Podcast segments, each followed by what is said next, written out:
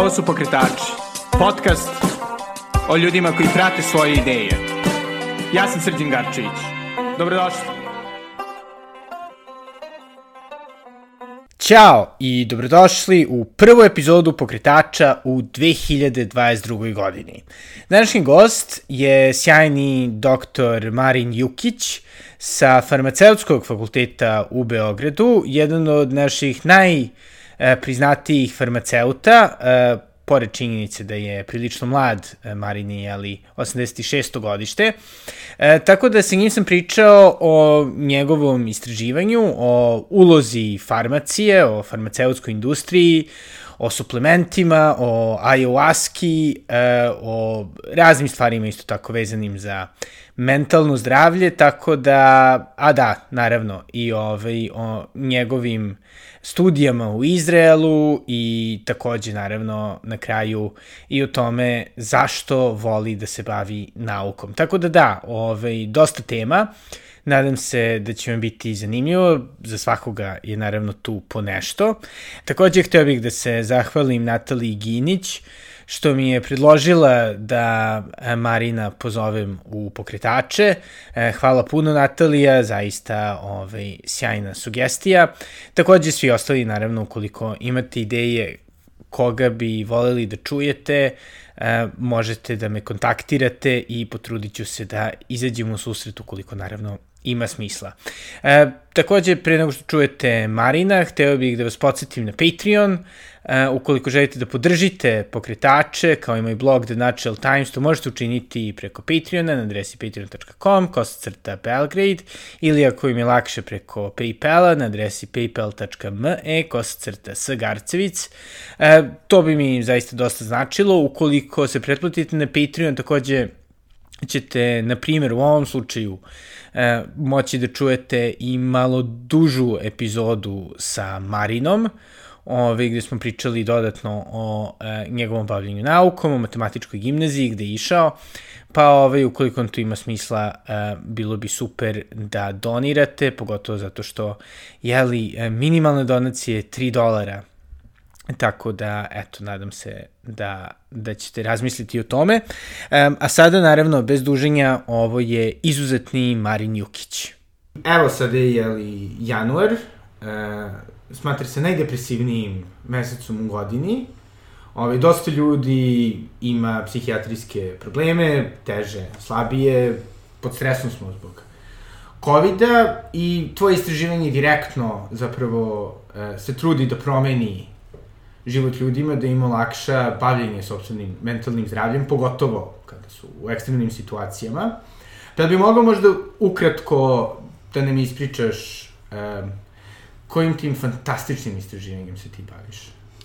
Pa ja se bavim, hvala prvo što, što, što si me pozvao, ovaj, ovako čast mi je da, da pričamo malo o ovim stvarima, zato što mislim da su važne. Mislim, mentalno zdravlje je mnogo važno. Postoji, dakle, rad koji kaže, koji zapravo nosi do, epidemiološke dokaze na nekih 100.000 ljudi, Dakle, svaki drugi čovek će barem u jednom trenutku u svom životu a, patiti u značajnoj meri od barem jedne psihijatrijske uh, bolesti. Znači, svaki drugi će imati neku depresivnu epizodu, neki psihotični ispad ili nešto, ne, nešto tako. E sad, generalno sve druge bolesti manje više idu u nekom dobrom toku sa ovim razvojem tehnologije i, i situacija je sve bolje i bolje. Imamo, ne znam, imamo lekove za razne bolesti, imamo vakcine za razne bolesti, ali za depresiju i za bolesti izazvane stresom na višoj nervnoj funkciji praktično sasvim je sigurno da nikad neće biti ni vakcine, teško ide to i sa lekovima i u principu danas psihijatrijska praksa koristi lekove koji su razvijeni pa neka originalna ideja kako oni treba da izgledaju, šta oni treba da rade, je potekla negde iz 50-ih, 60-ih nekih kliničkim obzervacijama I danas samo imamo neke sintetske hemijske derivate koji su malo, da kažem, prihvatljivi za pacijenta da on to uzima i da živi normalno. Znači, nekih inovativnih ideja nema, mozak je u principu jako kompleksan, teško je baš shvatiti kako se tu dešava i kako taj lek deluje i teško je doći do nekih inovativnih ideja šta je to tačno što je potrebno i šta je dovoljno da bi taj pacijent krenuo barem ka zdravlju e, i koji pacijent bi krenuo ka zdravlju. E sada, sve to diktira sledeće, znači, recimo, ajde, eto, depresija je najprevalentnija od svih psihijatrijskih oboljenja, pa da se fokusiramo na to, dođe pacijent, ili tako, osjeća simptome, e, znači, pre svega prvo on treba da dođe, znači, stigma je veliki isto problem, prvo ljudi se teško odlučuju, shvataju to kao neke svoje lične poraze, iako im postoji realno pomoć koja im može pomoći i u dobrim delu im pomogne na kraju, dakle ta terapija i taj sam kontakt. Znači već sama odluka dođe takav pacijent i njemu se krene sa jednim lekom. E taj prvi lek koji je lek izbora, na njega odgovori jedna trećina ljudi. Mm -hmm. Znači jedna trećina ljudi odgovori na taj lek i oni se, da kažem, vrate u zdravlje, što je super. Zato što već toliko mnogo je tih depresivnih ljudi, znači već taj prvi lek, mislim sad mi kažemo jao, pa samo jedna trećina. Ne, ta jedna trećina se vrati u zdravlje i oni nastave da žive svoj normalan život. Posle toga, ako taj prvi lek ne radi, znači pričamo ove dve trećine koji nisu jednostavno uspeli da odgovore na taj prvi lek, a, oni dolaze u situaciju da menjaju jedan, drugi, treći lek i kad se izređe jedno četiri, pet lekova, ajde da kažemo još jednoj trećini se može pomoći.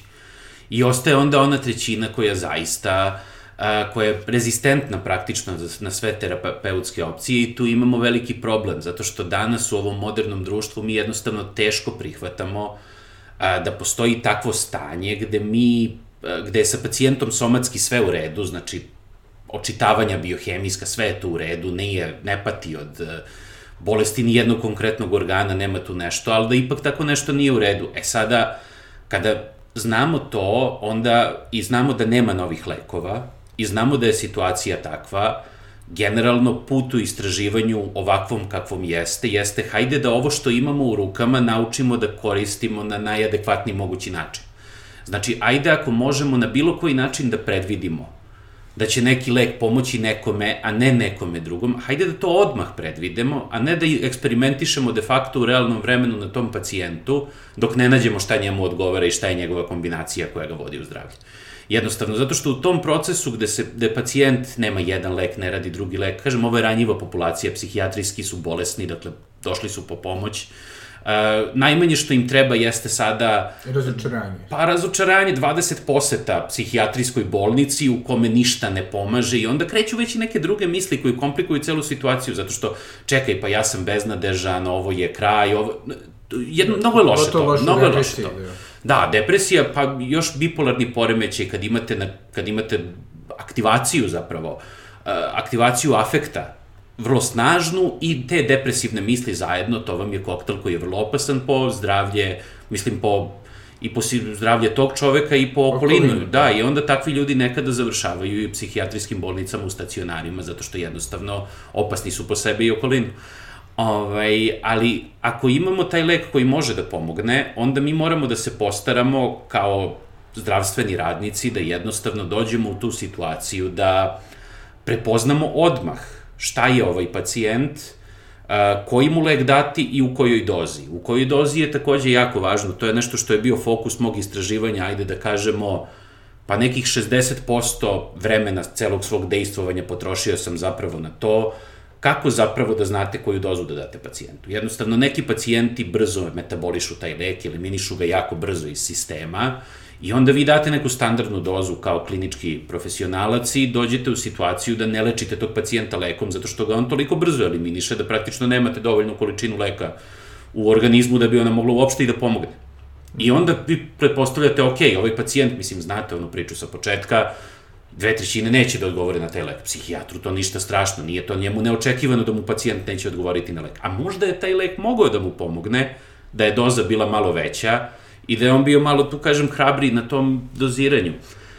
Tako da to želimo da saznamo. Želimo da prepoznamo takvog pacijenta koji je, koji je takav uh, unapred. Znači, prvi neki korak u tome je bio uspostavljanje na farmaceutskom fakultetu to i radimo, znači možemo da izmerimo koncentraciju svih, svih psihijatrijskih lekova u krvi.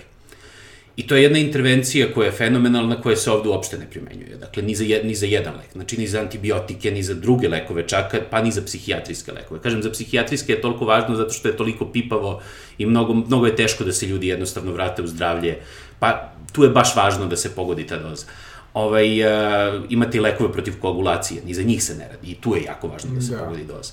Ovaj, ali psihijatrijski lekovi mi znači možemo sve, da izmerimo koliko pacijent ima leka u plazmi, dakle u krvi, koliko je, koliko je leka prisutno u sistemu i na osnovu toga mi možemo da kažemo jednostavno psihijatru, slušaj, ovaj pacijent ti je ispod terapijskog praga, treba veća doza.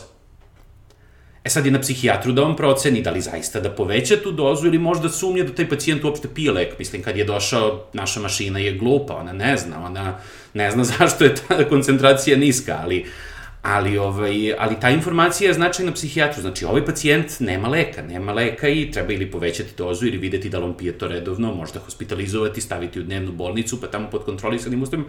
Postoje razne intervencije kako može da se pomogne čoveku u takvom slučaju. Takođe, Ima drugi podjednako opasan slučaj. Znači, zamislite takvog pacijenta, odgovorio je na lek i sad mu je bolje. Međutim, ovo su opasni lekovi koji jednostavno daju i neželjene efekte. Znači, odgovorio je na lek, na primjer, njegova psihoza je sada pod kontrolom, što je izuzetno značajno, nije više opasan po sebi i okolinu, pristupa se čak i nekim racionalnim ekonomskim odlukama, takvi ljudi mogu da rade jednostavno, da privređuju, da brinu sami o sebi dakle, generalno pomerilo se iz neke psihoze dekompenzovane u neko zdravlje gde čovek jednostavno mnogo bolje funkcioniše. Međutim, takav lek, tako jak lek, može da da i neželjeni efekt, pa možete da imate suvoću usta, konstipacije, prolaktinemije, metaboličke simptome, nekad ljudi mogu da se ugoje 30 kila. Međutim, oni i tih 30 kila će nekako da progutaju dok im je u glavi dobro ali u nekim situacijama jednostavno, znači pacijent je odgovorio na lek i sad je psihijatru izuzetno veliki problem da smanji tu dozu. Čekaj, kao sad ću ja da smanjim tu dozu, pa ću opet pacijenta da uvedem u bolest. Ma neću to da rizikujem, ajde ima još 10 kila, ima još 10 kila, rešit ćemo nekako, ali o, rešili smo primarni problem. E, kad takav pacijent dođe, oni mu isto pošalju krv, mi možemo da kažemo, slušajte, ovi pacijenti su iznad gornjeg terapijskog praga. Znači, lek radi, ima ga dovoljno da radi, ali radi i to što ne bi trebalo. Znači, može doza da se smanji za 30%, za 50% i onda u takvoj nekoj situaciji taj pacijent njemu ostane efekat, a eliminišemo te neželjene efekte, što je sjajno.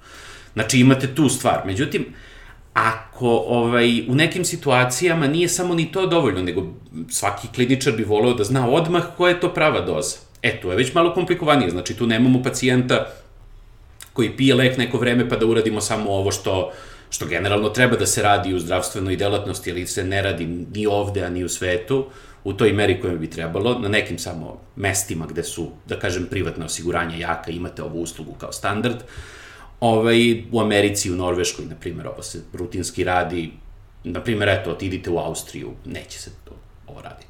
Mm -hmm. Nije sad Srbija kao sad, ne, jednostavno, da, jednostavno to se redko radi. Ovaj, ali, uh, kada dođe taj pacijent, psihijatar bi volao da zna odmah, znači ne, nemamo sada ravnotežno stanje leka, nije da pacijent pije lek, u tom slučaju možemo da mu uzmemo krvi da vidimo šta se dešava, psihijatar hoće odmah. E, postoje načini da se predvidi, dakle, koji pacijent je koji, znači kome treba više, kome je manje.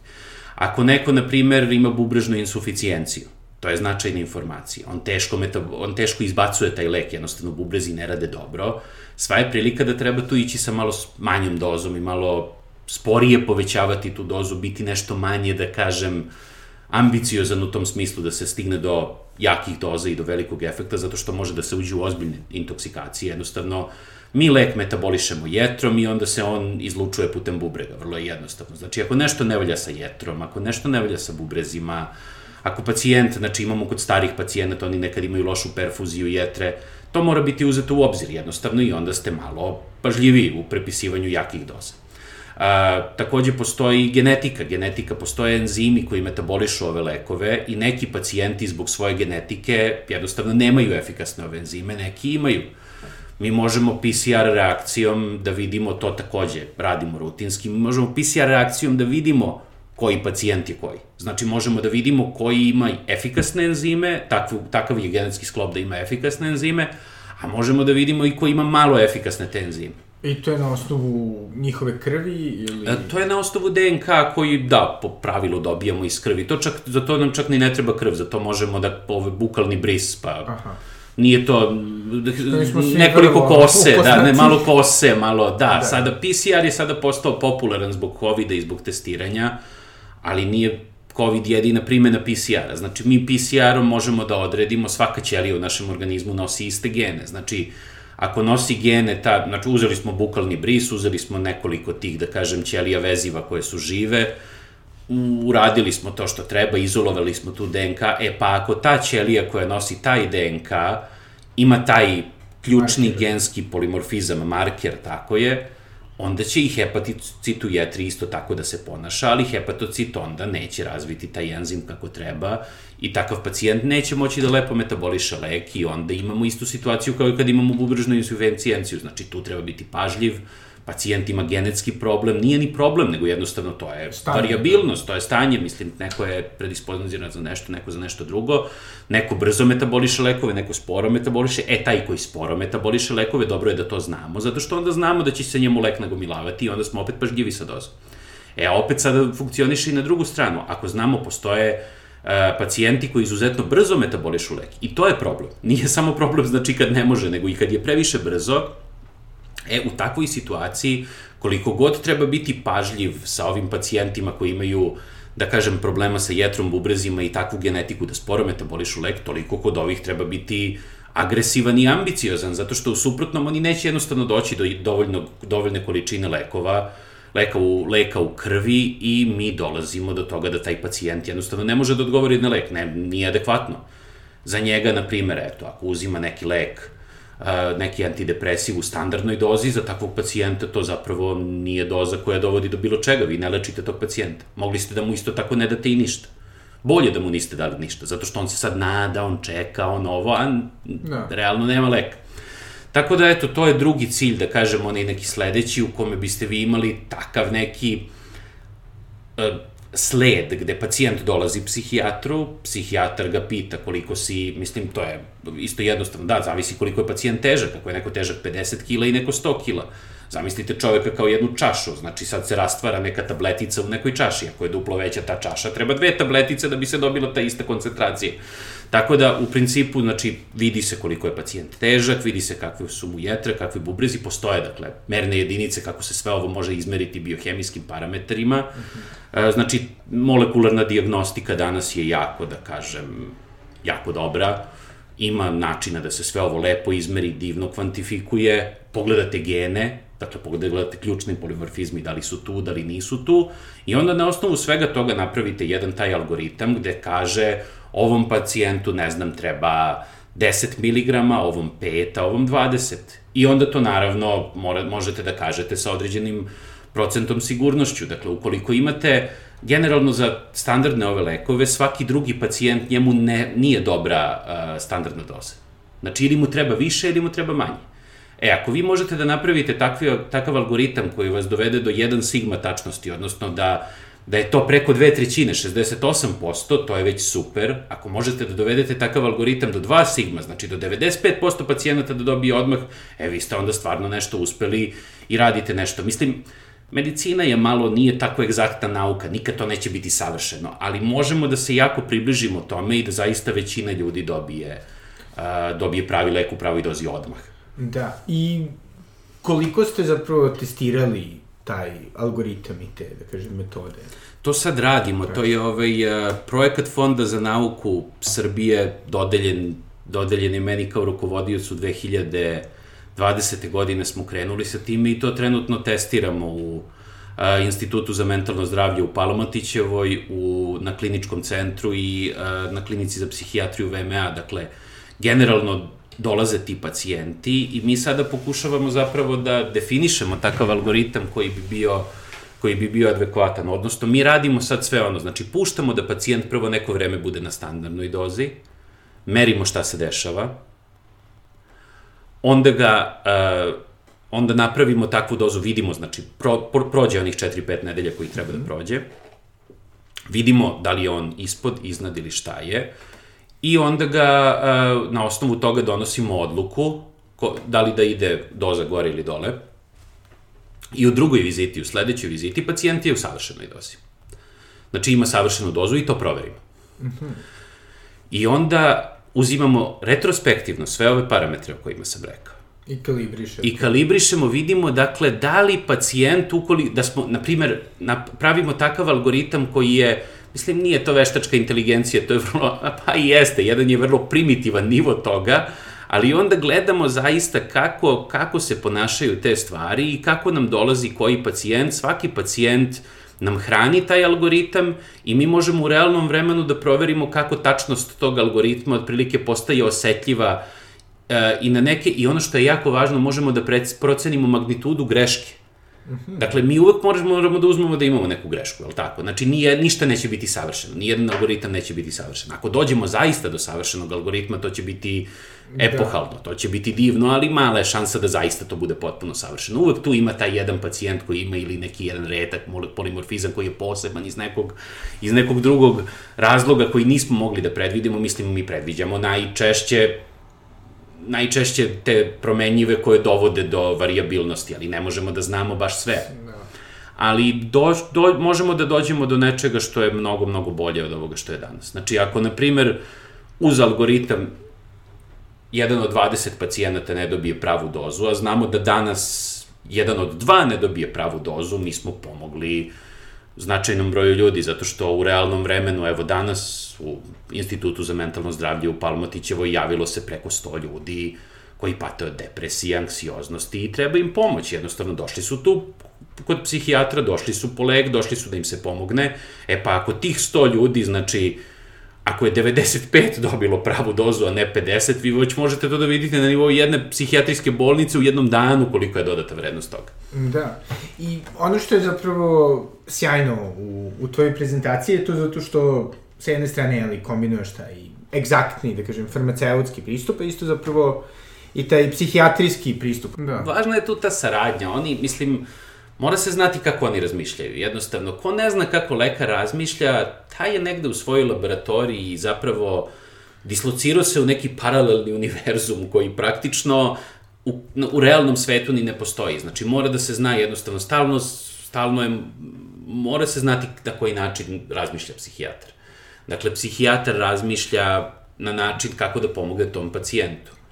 Ukoliko neko ima sad tu fenomenalnu asocijaciju za neki parametar, za nešto, to je sve lepo, ali psihijatar pita, ok, šta dobija moj pacijent od ovoga? Taj pacijent dobija u ovom slučaju, ako ima algoritam, znači, ok, daćeš ti meni, ne znam, aplikaciju isprogramiranu u nečemu, može biti i u Excelu zaista, nekad je toliko, znači u koju ću ja da unesem težinu, stanje bubrega, taj parametar, taj parametar i ti ćeš meni da daš jedan broj. E, ako ja njemu dam taj broj, a ne ono što piše po vodičima, znači po vodičima piše 10 mg, a sad ću ja da mu dam nešto drugo, nešto što si mi ti rekao.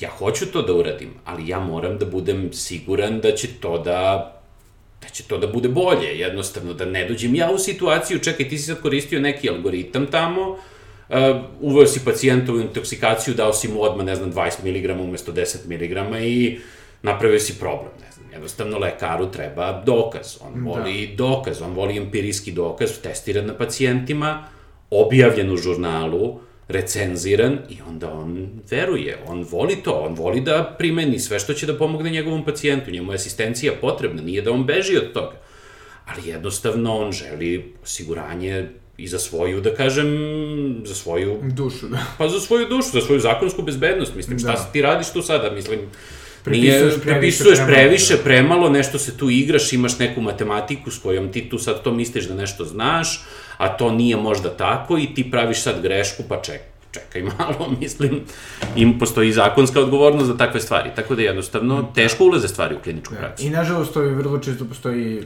pa, i komercijalni interesi koji se vrlo često mešaju, kao na primjer, ne znam, u ovoj epidemiji oksikontina, Pa, to jest da, opioida da, u da, Americi. Da, da, da, da, da, to je i psihi, kod psihijatrijskih lekova, ma ne mora da bude ni toliko sofisticirano, može da bude do imbecilnosti jednostavno čak. Ajte zamislite, eto ovako dolaze, mislim, jednostavno po tim bolnicama, jednostavno krstare ljudi koji nude i prezentuju te lekove. E sada, a, postoji način da se prati ko šta prepisuje. Po apotekama se gleda ko koliko ima recepata i tako, ukoliko ne znam, neko odvede onda tog lekara iz jedne kompanije na letovanje ili tako nešto, na neki kongres ili ne znam, kupi mu novi mantil. Dakle, postoje i razne, da kažem, mnogo primitivnije od toga nivoji inferencije gde jednostavno lekari su propagandnom mašinerijom na jedan ili drugi način, da kažem, usmereni da propisuju određeni lek. ili ne propisuje. I onda vi imate tu jednostavno, tu imate probleme. Međutim, što se psihijatrije tiče, mi se tu svedemo za depresiju na nekih 7-8 lekova, sve, sve će to, jel tako, biti tu. Sad, da li, to, da li je taj lek napravila jedna kompanija ili druga kompanija, to je čak i manje važno, mislim, mi to čak ni ne, sve su to bioekvivalenti. Ali za naš algoritam to nije toliko važno koliko je važno, jel tako, da a, koliko je važno da se prime, da se ovaj, da mi izmerimo sve to kako treba jednostavno, da ne bismo mi napravili početnu konceptualnu grešku iz koje će onda kasnije da izađe loš algoritam, i ako izađe loš algoritam, pacijenti će da pate, to nije dobro. Da, i što me sada opet navodi da, da pomenem još jednu sada, uh mhm. -huh. dosta, da kažem, poznati primer firme koja je obećavala precizne mere na osnovu lakih stvari, fantastičnog Terenosa, sada sa ovaj, eh, Elizabeth Holmes koja je završila jel, na sudu. Kako je završila, da. To je zapravo, sada je valjda i osuđena. Čisto me interesuje kako izgleda uopšte ceo taj, da kažem, biotech svet koji mislim, je zapravo, ok, mi možda u, u Srbiji vidimo više kao programiranje i to, ali zapravo je bitan tip startupa koji se, jeli, Pa dobro, raste. da vam kažem, ovaj algoritam, na primer, bi bio idealan za neki startup u situaciji gde stvari koje mi unosimo u jednači, u koje unosimo u jednačinu nisu još uvek otkrivene. Mi ne otkrivamo ni jedan nov, da kažem, parametar. Zna se već 100 godina da ako neko je slab sa bubrezima da će teže podnositi substance koji se unose zato što će ih teže izbacivati. Nije to, nije patentabilno jednostavno. Aha. I onda postoji taj pritisak, tako da kažem, da se uđe u neke te sofisticirane mere koje su patentabilne, da bi se onda to primenilo. E onda propa, propagandna mašinerija uzima sve te, uh, sve te, da kažem, stvari i stavlja ih na tržište. I kada je vama zakonski da je nešto na tržištu i da može da se koristi, na primjer imate, imate kompanije koje se bave uh, genotipizacijom pacijenata. Na primjer, vi možete da saznate celu strukturu genoma za nekih 60 dolara, 40 dolara kad su božićne rasprodaje u Americi. Mm -hmm. Kompanija se, kako se zove, 23andMe. Ovaj, jako poznata, znači, ne znam, oni su optimizirali taj neki svoj, tu neku svoju platformu i tu se sazna na svim ključnim genima šta se dešava i to je, jel tako, to je to i onda na osnovu tih ishoda prave se neki skorovi za neke bolesti i sve u domenu neke verovatnoće. Naprimer, ne znam, izmerio je taj algoritam da neko ima, ne znam, 60% šanse da umre od, od infarkta miokarda. I sada, to je informacija, je li tako? To je informacija, znači, potpuni je black box kako se došlo do te informacije, to je pod patentnom zaštitom, stroga tajnost. A, I to i vi onda imate, jel tako, ako je to jednostavno, imate nekoliko nekih publikacija i tako dalje, i to je, da kažem, jedna mogućnost koju vam nudi tržište. E sad, to što je to mogućnost koju nudi tržište, to nije nešto što će tržište, to nije nešto što će zdravstveni sistem da finansira. Jednostavno, nisu dobili dovoljno jake dokaze da bi zdravstveni sistem to finansirao. I onda oni, takve kompanije onda ni ne idu na zdravstveni sistem da im oni sada, da pruže tu zdravstvenu negu svima. Ne, oni idu na jedan jednu subpopulaciju pacijenata koji su jednostavno uplašeni od svake moguće bolesti i onda oni kažu, e pa daćeš ti nama 60 dolara i mi ćemo tebi da uradimo tu neku analizu. Eto, to je velika opasnost, na primjer. I onda kaže, ok, što sam ono govorio, do koliko, kolika je preciznost svega toga, to je mnogo važno. E, ok, ljudi, dobili ste vi neke podatke na osnovu nečega, ali svi ti, svi ti prostupci procesuiranja tih podataka, od tih prvih podataka do finalnih podataka, nose neku svoju grešku. To vam niko ne daje, to vam niko, niko vam ne govori, znači kad, kad evo, ja mogu da kažem, evo, da saznam informaciju, umreću od infarkta miokarda sa 99,95% sigurnošću. Šta to znači zapravo? Šta je ta informacija? Šta sam ja dobio sada? Znači, možeš da umreš od infarkta miokarda ili ne? Da. Ako se to ne desi, ja nemam pravo nikog da tužim, jel tako? Oni su se ogradili, postojalo je 0,0 5% da neću i nisi, ti si jedan u 2000, to je sve moguće, mislim, Tako da u principu mešetarenje sa tim informacijama kad se tiče ljud, što se, koje se tiču ljudskog zdravlja je jedna ogromna tema zapravo. Postoji i bolje medicine koji se bavi time. Znači šta je zapravo šta je zapravo dokaz, e, koji nivo pouzdanosti je dovoljan da bi se nešto smatralo tako. Znači, postoje stvari koje de facto pomažu, mislim. Imate holesterol, koliko holesterola, povišen holesterol, ok, ljudi, ovo vam je faktor rizika. Znači, neko je merio, neko je merio, neko je pratio 5000 ljudi u, u studiji velikoj američkoj, znači koja se dešavala 70-ih, 80-ih, neko je pratio, neko je pratio, znači pratio je šta se dešava sa ljudima koji imaju visok holesterol i šta se dešava sa ljudima koji imaju normalan holesterol. I došli su do zaključka da je šansa za infarkt miokarda veća 12 puta. Plus minus, znači od 10 puta do 15 puta veća. Ali opet, to je bio signal, ok, ljudi, ne možemo pustiti da idu ljudi okolo sa visokim holesterolom, treba farmaceutske kuće da se posvete ovom problemu i mi ćemo finansirati ovo iz budžetskih para. Znači, ako napravite takav lek koji spušta holesterol, mi ćemo vama omogućiti to da to bude plaćeno iz Američkog zdravstvenog fonda. E sad je to motivacija farmaceutskim kućama, okej, okay sad si mi dao, sad si mi dao jasan zadatak, znači sad smanji holesterol, bit će sve u redu, naravno ne ide, ako se smanji holesterol, a uništi se jetra ili tako nešto, prolaze se te kliničke studije da bi se dokazalo da je lek bezbedan, ali napravite mi bezbedan lek koji spušta holesterol i dobit ćete ogromnu zaradu jednostavno. I onda to je motivacija za farmaceutske kuće da oni krenu u, u tom smeru. A ako vi imate neke labave dokaze sa nekim, jel tako, stvarima, jednostavno nećete dobiti tu količinu podrške u nekim normalnim uslovima, što ne isključuje opet normalne uslove, gde je neko podmićen da ponudi to i tako dalje, ali opet na kraju, mislim, i zdravstvo i nauka je sklono tome, mislim, nosioci i zdravstvene usluge i naučne delatnosti su ljudi i ljudi su ljudi da. i funkcionišu kao ljudi. Mislim, sad kao, neko je sad tu imun na, ne znam, milion dolara na Kajmanskim ostravima. Nije, nije imun.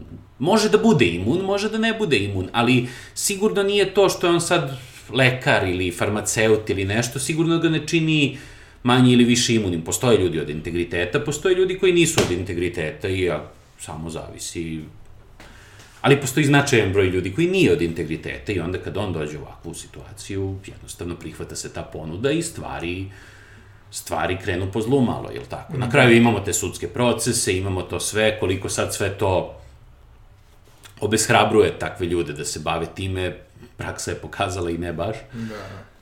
Ali, ali tako je jednostavno, napredujemo, da kažem, sve, sve su ljudi boljeg i boljeg zdravlja kako ide vreme u suštini, mislim, nekad neke bolesti, pogotovo u onkologiji, napreci su ogromni. Da.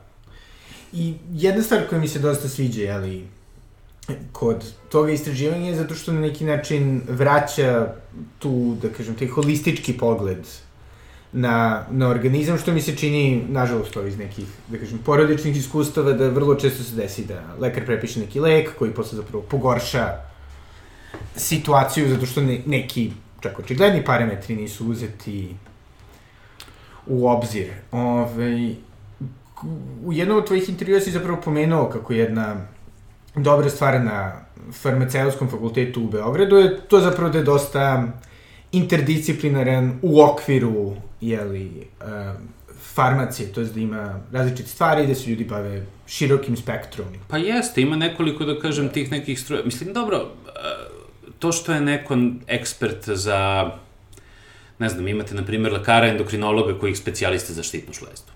Ok, u redu ali nije ta štitna žlezda sad izbačena iz pacijenta pa lečite samo nju, vi lečite celog pacijenta. Znači, svaki zdravstveni profesionalac ne sme ostati usko specializovan u smislu da poznaje samo jedan organ. Dakle, kada date lek, vi ste dali lek celom organizmu. Ako, tu se, ako se takva situacija ignoriše, onda je to loš lekar. Da. To je loš lekar. I postoje uglavnom i smernice kada, šta, šta se dešava. Ukoliko se ignorišu te smernice ili se još gore ne znaju, to je loš stručnjak jednostavno. On nije adekvatno bio pripremljen da prepiše taj lek. Da. On ne zna dovoljno o tom leku, zato što sve tamo piše, u onom čak uputstvu za lek. Znači, to, je, to su te paradoksalne situacije. Čekajte, kontraindikovano kod ove osobe, na primjer, ne znam, kontraindikovano kod osoba koji imaju astmu, lekar nije pitao da li čovek ima astmu, nego je samo, eto, tako prepisao, to su kardinalne greške. Jednostavno, to su kardinalne greške i zbog toga postoje, dakle, postoji medicinski fakultet od 6 godina, pa specializacija od 4 godine, pa subspecializacija od još 4 godine. Znači, vi ste 14 godina edukacije uložili u jednog čoveka da se to ne bi dogodilo.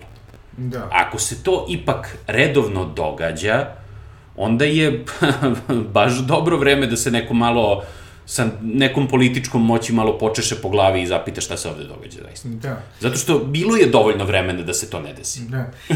I jedna stvar sada, pošto, kao što si i sam napomenuo, ovaj, e, lekovi koji se koriste u psihijatrijskim tretmanima i da budu vrlo jaki, ovaj, i, i nekako čini mi se da, da vrlo često postoji stigma kod ljudi koji ih Da, to je jeli, uzimaju. To je veliki problem, to si dobro, da. To smo, Da. S tim smo počeli, ali to je, da. Da, i nekako, ovaj, koji je tvoj pogled na to? Ne, pogotovo ovaj, u psihijatrijskom jeli, tretmanu se neki preferiraju, da kažemo, ono, talk therapy, preferiraju ne... Nefarmakološki Da. pristup. Da. Ovako. Pa, u principu ne postoji medicina koja je tradicionalna i alternativna. Postoji medicina koja pomaže i koja možda pomaže, a možda ne pomaže.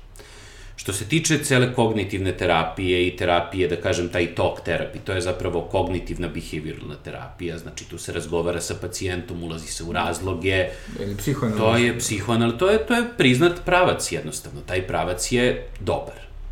Međutim, eh, apropo odbacivati lekove kao ne, neću piti taj lek ni po koju cenu, po meni je to onako baš, ni po, ni po jednim smernicama nije, nigde se to nije iznedrilo, to su jednostavno neka lična verovanja. A, I u takvoj situaciji, znači, ne znam, dekompenzovanog e, psihotičnog pacijenta, pitati ga gde je pošlo po zlu i ne obratiti pažnju na to i ne intervenisati nekim lekovima može čak da bude i opasno. Ali opet ima i druga strana, sve ovo iznedrila prevelika prepisivanja lekova. Znači, dobar dan, šta, depresivni ste, ok, evo vam lek, ovaj, probajte pa vi dođite. Da, koji često imaju vrlo Koji nisu, nije teške, da, posledice. Nije to sad odluka da neko krene da, pri, da pije psihijatrijski lek, nije to baš laka odluka i ne treba da bude laka odluka ni za lekara, ni za pacijenta. Znači, ok, ajde, došli smo tu, obavljena je prva vizita, ispričano je, ustvrđeno je stanje pacijentu na adekvatan način, E, tek onda, ako po smernicama, postoje smernice, postoje skale kako se pacijenti evaluiraju, kako se evaluira njihovo stanje, nije ni svaka depresija ista, nije to binarno, pa ima se depresija ili se nema depresija. Dosta ljudi je u nekim, da kažem, malo su tu tugaljivi, nije im baš, ali okej, okay, u redu su, mislim, funkcionišu dosta ljudi. U vrlo teškoj depresiji, gde praktično ne izađu iz kuće po nekoliko meseci, postoji i to. Ovaj, tako da težina tih simptoma diktira neke pristupe. Sad, ako lekar nema vremena ni da izmeri te skale, ni da to sve, nego nešto na svoju ruku kaže ili hoću lek ili neću lek, onda imamo jednostavno loš pristup pacijentu i ishodi su lošiji nego što bi bili da se tom pacijentu pristupilo na adekvatan način. Ali sam čin tog prepisivanja leka treba da bude nešto što je racionalna i kontrolisana odluka. Ili čin neprepisivanja leka treba isto da bude nešto što je racionalna i kontrolisana odluka. E, nekad je dobra jedna, nekad je dobra druga. Postoje vrlo detaljne nivodiči šta se tu radi i traje specijalizacija iz psihijatrije, traje četiri godine. Da. Za te četiri godine dužnost svakog specijalizanta jeste da se upozna kad, šta treba da uradi sa kojim pacijentom. Da je to tako lako, ljudi bi završavali kurs od mesec dana i bili bi psihijatri. Jednostavno, mislim, nije to tako jednostavno. E sad, ako se u praksi desi da se to toliko pojednostavi da nikog više nije briga šta se dešava, onda imate haos, onda imate polovinu Srbije na nekim benzodiazepinima, e, alkohol, zloupotreba alkohola, zloupotreba benzodiazepina, sedativa raznih vrsta, alkohol je sedativ, benzodiazepini su da. sedativi, onda ljudi koriste nešto sedative na svoju ruku i onda sve polako ode dođavola, zato što takav pacijent koji se na taj način funkcioniše, nastupe onda i bolesti zavisnosti, e onda imate psihijatrijski problem na koji je nadovezan problem zavisnosti. I sada kada dođe takav pacijent, znači, ne znam, kada često slušaju te moje intervjue i onda me pozovu ljudi kao, jao, imam problem Po pravilu su to neki pacijent, zapušteni pacijenti sa 10-15 godina slabo lečene šizofrenije, koji već praktično su u toliko teškom stanju da, da, da već da već je pitanje šta se sad zaista može uraditi za njih, jer da se ne bi došlo u tako teško stanje, ta stigma jednostavno mora da se, mora da se, mora da se pristupi tome na adekvatan način. To nije lako. Uh, ovde je kultura više ono depresija, šta malo uznemiran si, ajde, ajde, nije to ništa, ovo, e pa, nije da nije ništa, neko, to, da. neko neke stvari shvati malo ličnije, neko ne može sam i u takvim situacijama ja mislim da bi a, opet kažem, neko sa malo političke moći treba da usmeri u neku kampanju a, gde će jednostavno ljudi biti naklonjeni tome da, da odu kod psihijatra kada osete neki duševni nemir. Znači, pri, već pri prvim signalima da ode se kod psihijatra, da je sve to, zato što kažem, ako se dopusti da situacija stvarno ode dođavola, znači šta imamo pre nego što se ode kod psihijatra? Imamo prvo, uh, imamo prvo kafanu, pa onda imamo komšinice i komšije, drugove i prijatelje, pa onda imamo opet neke sedative uz kafanu, pa onda imamo šest nekih etapa i na kraju posle tih šest etapa pacijent je već u jako lošem stanju, e onda je došao kod psihijatra. Pa da je došao pre šest godina, bolje bi to sve išlo sad. Da. A koliko se... Ali nije hteo, da. nije hteo. Nije mi još dovoljno loše. To, to je klasika, nije da. mi još dovoljno loše. Da, a koliko nekako misliš da, da opet sa druge strane, ja se apsolutno slažem da je neophodno popularizovati ovaj, mislim, psihijatrijsko lečenje i brigu o mentalnom mm. zdravlju, ali opet nekako čini mi se da u dosta te popularizacije se opet ide na neki bizarni način gotovo čak i u glamorizaciju određenih disfunkcionalnih ponašanja ili opet sa druge strane kako da kažem, ja ovaj, da relativizaciju barem... stvari, u smislu, a nemam pojma, ja sam anksiozan ili depresivan, što, mislim, za razne ljude znači dosta različitih stvari. Mislim, jedna stvar je biti depresivan, jer, otkud znam, raskinuli neko mi umro, opet, to su različite stvari. To je reaktivna depresija, to, to nije bolest. Biti. Pa to da, nije da. bolest, to je reaktivna depresija. Znači, depresija je zapravo kad se to uh, osjećanje tuge javlja spontano, znači bez jasnog razloga, uh, Kada to stanje tuge je previše, dakle, izraženo, intenzivno, ja. intenzivno znači izgubio sam posao, pristupam sam ubistvu. Znači, previše intenzivno. U redu, kao izgubio si posao, situacija nije sjajna, ali. Okay. Ovaj, uh, ili kad je previše dugo traje. Naprimer, ne znam, uh, umro mi je roditelj i ja se već 30 godina nisam oporavio. Pa, mm -hmm, ovaj, prvo je taj roditelj koji je umro, ne ne bi voleo da to bude. Mislim, da, da, da, da. nekad je previše dugo, nekad je previše intenzivno, nekad je bez realnog uzroka i to je zapravo depresija. Reaktivna depresija sa svim... Da, isto. Danas je ovaj, civilizacija osmeha, svi treba da se smejemo. Ma šta da se desi, ti se smeji, smeji se, smeji se po svaku cenu, sve je dobro, sve je super, sve je dobro, sve je super, sve je pink, sve je divno. Pa nije. Mislim, da, da. sasvim je u redu biti tužan ponekad. Nije ni to, dakle, u tom smislu neka ta popularizacija bi dovela da ljudi čak i tu fiziološku tugu kreću da traže neku pomoć, ali ja mislim da smo mi ovde u Srbiji, ja mislim da smo mi daleko od, od ove opasnosti. Da, da. Mislim da smo u mnogo većoj opasnosti tome, jao, psihijatar, pa kako, pa sad ću ja da idem, svi će da me gledaju, misliće da sam lud, više smo, mnogo smo više u, toj, u, to, u tom ekstremu nego u ekstremu da neko previše ide kod psihijatra. Da, da, tako da... Zato što iz čiste zabave. Dešava da. se, naravno. Ali, ali mislim da je to 0,1% problema ovde. A 99% problema jeste ne, nije mi dovoljno loše, ne, možda mogu i ja sam, a, realno ne možeš, realno bolje bi ti bilo da odeš kod psihijatra, to je nešto što treba da, dosta propagirati. A ako taj psihijatar, ako misliš da ti to ne pomaže, a niko nikoga ovde u ovoj zemlji barem ne forsira da to radi. Znači, nema forsiranog lečenja, ti samo možeš da kažeš, okej, okay, Da, ovo, da. ovo nije bilo adekvatno, neću više ići kod psihijatra, to je sasvim normalno. Ili otiću kod drugog psihijatra, ili nešto ću uraditi treće, ili ne znam, niko, niko nikog ne, sam čin odlaska psihijatra nije primoravanje ni na šta. Ako se izađe sa tim receptom, izašlo se sa receptom, nije se izašlo sa injekcijom leka u sistemu. Da. I sada, ovaj, pored, da kažem, sada već tradicionalnog ovaj, leka, alkohola, doduše, moraš da te pitam da me testiraš da vidim ovaj, da li dobro Mm, reagujem mm. na njega ili ne. Ovaj, u samoj medikaciji, šalim se. E, isto sada postaje dosta popularno jeli korišćenje raznih suplemenata, ono, otkud znamo, od ono, ašvagande do ovaj, HTTP petice, valjda, ili šta god. Ovaj, za neke slabije, jeli, e, disbalanse raspoloženja, pa sve, jeli, do, otko znam, korišćenja halucinogenih substanci, tipa ayahuaske, e, pečurki, za zapravo kao psihološke, ovaj, za, zapravo samo tretman psiholoških Pa stanja. ketamin je registrovan Ketamin, kao da. antidepresiva, bio je ulična droga pre toga, da. Ovaj, pa što se tiče tih suplemenata, to je... Slušajte, suplement je... Suplement je čudo, mislim, šta je suplement? Sve je suplement i ništa nije suplement. Ja mogu da odem sada da registrujem 10 nekih suplemenata sa par desetina ili stotina hiljada dinara i da se bacim na tržište i da krećem da reklamiram to.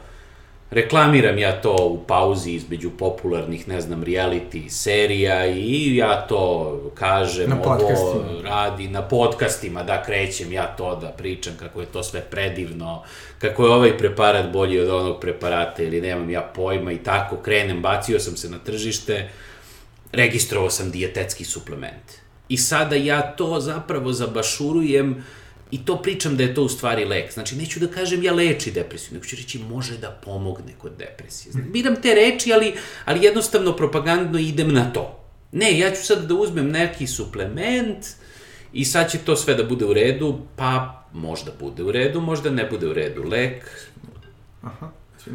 Lek ima tu osobinu da je da mora da se registruje i da bi se registrovao mora da se dokaže efikasnost, mora da se dokaže bezbednost i mora da se dokaže da da taj koji treba primiti lek da da mu treba taj lek. Znači ne mogu ja kao, ne znam, ako sam ja psihijatar, ne mogu ja da prepišem antipsihotik za uh, svrab na koži Da. nije jednostavno utemeljeno, nisam diagnostifikovao, znači ni diagnostifikujem psihozu, onda dajem antipsihotike, ne mogu ja sada na svoju ruku. Znači, lekovi su mnogo kontrolisaniji nego suplementi. A suplement u principu jeste sledeće, znači, ovo je stvar koja može i ne mora da pomogne. I svodi se na neko verovanje. Sada od stvari koje su, da kažem, i oprobane, vitamin C ili cink ili tako nešto, za koje postoje jasni dokazi i koji kod nekih insuficijencija se upotrebljavaju kao lekovi. Ukoliko osoba u nekoj hipotetičkoj situaciji bi ra- razvila skorbut, bolest mornara koji nekad nisu imali vitamina C, njemu bi vitamin C bio lek, nije to više sad suplement. Znači, suplementi kad ja popijem, ne znam, tri šumeća vitamina C svaki dan zato što mislim da mi to pomaže. Znači, ja definitivno nemam kliničku manifestaciju nedostatka vitamina C, ali ja ga i dalje pijem zato što verujem da će to biti super. Da li će pomoći, da li neće pomoći, niko sad baš to ne zna, ali ja to jednostavno verujem u to i ja to pijem, eto, to je svaki suplement. Znači, mnogo je opasno da se podmeću suplementi kao lekovi, to se nažalost dešava dosta. E, I tako, to, da. to nije dobro, mislim, ali to je opet kad propaganda mašinerija uđe u to, ljudi će Da. raditi bizarne stvari iz razloga što su jednostavno ubeđeni u nešto. A što se tiče, recimo, korišćenja ayahuaske i tih stvari za tretmane u... Pa tu ima to poremećaj. postoji neka logika, ali opet ta stvar nije, nije jednostavno ispitana dovoljno. E, dolazi se do situacije, mislim, svaki lek, svaki psihijatrijski lek ima, on deluje na mozak, njegova svrha je da deluje na mozak. Isto tako i te psihotropne substance deluju na mozak i sada ukoliko neko sebe ubedi iz bilo kog način, iz bilo kog razloga i na bilo koji način da će to njemu pomoći prilikom neke psihijatrijske bolesti, to može zaista da pomogne. Sada, da li je to zaista pomoglo zato što je to pomaže ili najčešće što se dešava jednostavno iz ubeđenja dođe i pomoć, to je taj famozni placebo efekat, e, to se sada ne zna, ali to, te stvari nisu registrovani kao lekovi, što će reći ne postoje dokazi. Da. Ako ne postoje dokazi, tu je jedan klizav teren gde maltene sve može da pomogne ili i ništa ne mora da pomogne. I ono što mi dosta interesuje, pošto si jeli svoj doktorat radio Ben Gurion Jeste, u Izraelu. u Izraelu, ovaj, koji je inače zemlja koja ima dosta zanimljivu, da kažem, mm. vezu između jeli, istraživanja, da. start-upova, Da, da, da. državnog finansiranja. Koliko ti je to oblikovalo neko pogled na... Pa ja sam video Da, jednu da. vrlo interesantnu stvar. To sam video interesantnu stvar, sad se, tačno sećam se čak i te rute. Znači, krenuo sam da učim nešto hebrejski i posle nekih, da kažem, šest meseci ja sam mogao nešto malo da ide, da natucam tu, da se sporazumem sa ljudima i sada taksista, on ne priča engleski, tamo priča hebrejski, ja s njima moram, znači i sad ja to nešto tuc muc, vole taksisti tamo da pričaju kao i ovde, znači ne znam sad nešto, sad pričamo i kao ja sam, šta si ti, ja sam naučnik. Ja sada, ne znam, ja sam ono očekujem, naučnik sad očekujem, ili tako ovde kad bi rekao taksistu šta si, šta, šta si naučnik, pa hm, dobro, šta je to za... Ali tamo, na primjer, ja sam video da ljudi koji se bave uh, raznim profesijama vrlo dobro znaju šta je to nauka, zašto je to važno, i jednostavno cela ta zemlja i svi njeni građani su magnetisani prema tome da su inovacije i nauka vrlo važna stvar. Mislim, David je pobedio Golijata zato što je izmislio praćku. Bez, Da, bez da. praćke teško bi bilo da su, da su obarali ruke, Golijat bi ga dobio. Ovaj, ali, ali tako da u principu, mislim, to je država koja puno polaže na, na inovacije. Na inovacije, na nauku, na istraživanje i to mi se jako svidelo, na primjer. Oni to poštuju, oni to jako poštuju. I njihov prosečan poreski obveznik kad kaže da li ćete da date novac da spasemo a, da spasemo troje, ne znam, bolesne dece, ili ćete da date novac da napravimo istraživanje, da razumemo kako funkcioniše ćelija raka, njihov prosečni obveznik će reći ne, okej, idemo na istraživanje, zato što ovo će spasti mnogo više ljudi. Mm -hmm. Tako da ovde, ovde nismo, nismo, ne, ne funkcionišemo jednostavno kao nacija na taj način. Ovde volimo opipljive stvari, volimo tako neke te stvari. Nauka, obrazovanje, kultura, to su stvari koje ne generišu nikakav profit, nikakav primarni profit. Da. Ali su važne, jednostavno, zato što to je ono što nas gura napred, to je ono za što živimo. I onda a, neće, neće one proizvesti ništa, znači nije to trgovina, nije to proizvodnja, nije to nešto, da kažem, tako opipljivo, ali na kraju krajeva, mislim, ta nauka je omogućila da, ne znam, pošaljemo raketu na mesec. Da. Zahvaljujući nauci se to dogodilo, mislim. Tako da, u principu, to je, ta investi, investicija u nauku je nešto što ovde nije na tom nivou kao na Izraelu, nije izbliza. Da. I to pritom nisu oni nešto toliko mnogo bogati. Mislim, jesu bogati, ali mogli bi mnogo, da kažem, da više troše na neke komoditete i na neke takve stvari, da malo sve to bude lepše i ovo, ali ne, oni znaju zašto, zašto su, zašto su, imaju toliko novca koliko imaju, imaju zato što ulažu u nauku i onda nauka kroz neki duži vremenski period iznedri nekoliko start-upova, nekoliko kompanija, neko, neko patentibilnih inovacija i od toga onda bude više novca nego da se to uložilo u neku prostu proizvodnju u tom trenutku. E sad, u prostu proizvodnju da se uložilo, taj novac bi bio tu odmah, a ovako mora da se sačeka. E, Da. zapravo to je ta razlika, zapravo, samo strpljenje sa investicijom. Da, i, jedna stvar, evo, baš sada za kraj, pošto nekako moje iskustvo, pogotovo sa ljudima koje znam, je da ono posle, ne znam, doktorata, pa postdokova, bili onako, e, da kažem, umorni, prilično cinični, nezadovoljni, e, bilo da se radi u Srbiji, bilo da se radi u inostranstvu.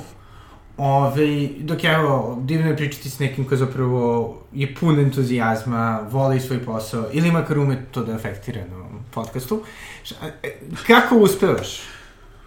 Pa nagledao sam se toga, stvarno nagledao sam se toga. Ali e, baš sam se nagledao toga. I to najviše u inostranstvu, čak ne toliko i ovde koliko u inostranstvu. Više sam se nagledao toga u inostranstvu. A misliš da je to možda zbog ono kao nedostatka, da kažem, te neke, nekog širog konteksta koji, ono, ublažava, da kažem, te Pa, varijacije raspoloženja zbog karijere? Pa ovako, mislim, niko nikad nikom nije obećao da će sve da bude super i da će on biti srećan. Znači, to nije nikome obećano. Na ovoj, na ovoj kugli plavo-zelenoj što se okreće, niko nikom nije obećao da će biti srećan i da će sve biti u redu.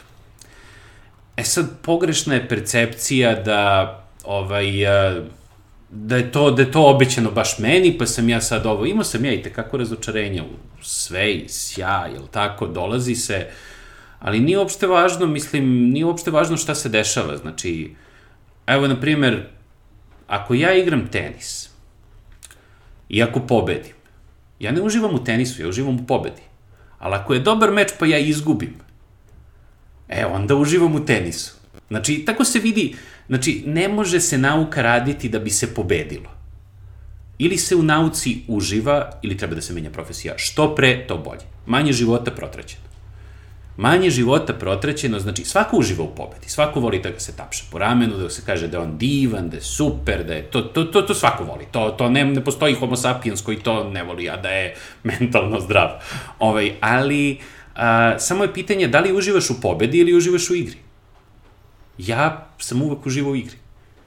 Kažem ono, ne znam, ljudi kao, jao, ej, kao, pa onaj projekat kao 2 miliona nisi dobio, bilo je za malo, kao ovo, pa, okay, to je sada deo, dobio sam drugi evropski projekat, dobio sam ovo, dobio sam, pa dobit ću ja i ovaj. Ili neću, ali ja uživam u osmišljenju tog eksperimenta. Ma ja ću taj eksperiment da uradim, pa makar ne dobio nikakve pare. Nekako ću da nakrpim neke pare, pa ću da uradim. Jednostavno, toliko me zanima ta, ta stvar da uradim to što sam predložio u tom projektu. Toliko ja mislim da je dobro. Ni oni ne misle da je loše, prošao sam ja do samog kraja pa ovo. Ali možda postoje ljudi koji su uradili to nešto bolje i ja prihvatam.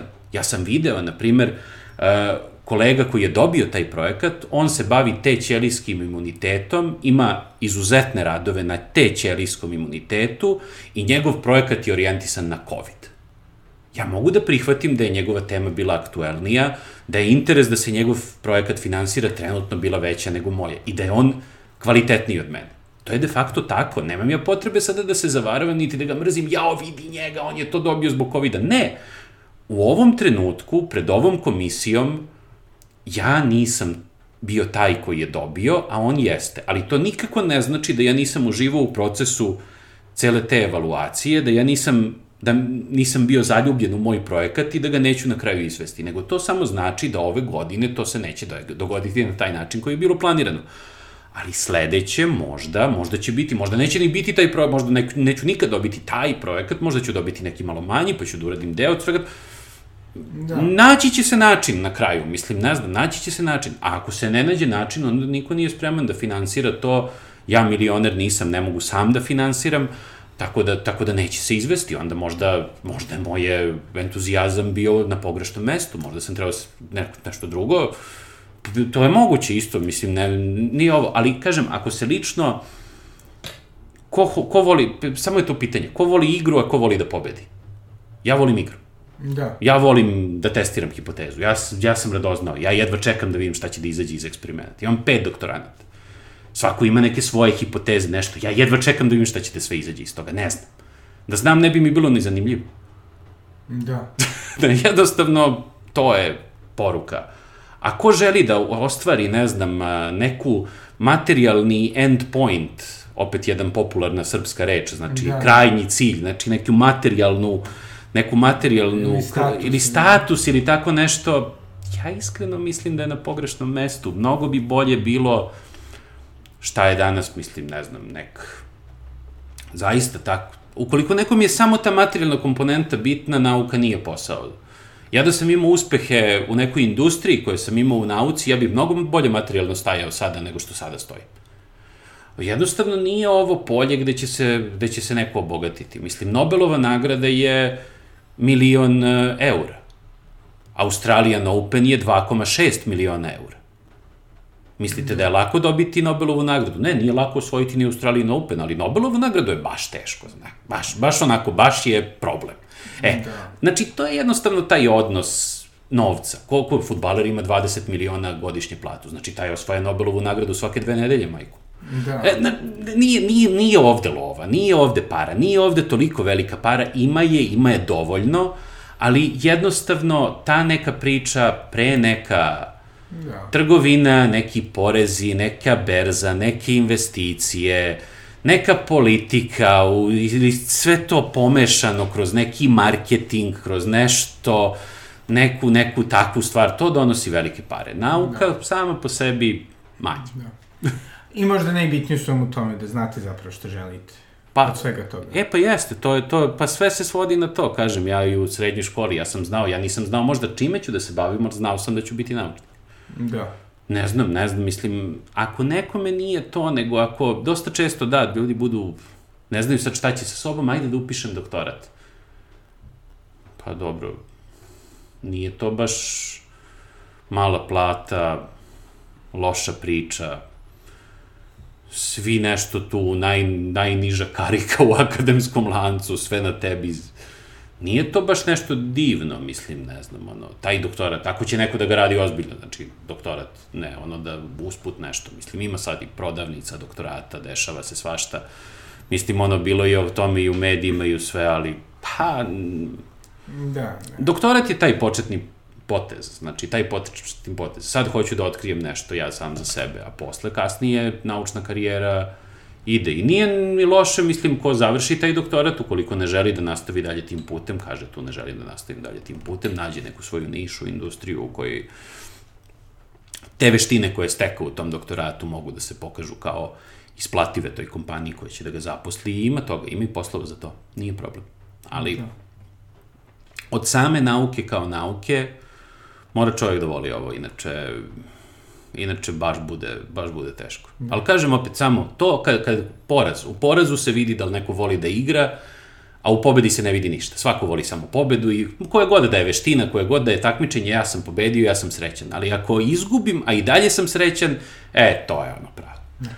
hvala puno, hvala puno Marine. Ove, isto naravno slušalci, ukoliko imate uh, par miliona ovaj, dolara, evra da potrošite, evo, postoje dobri projekti.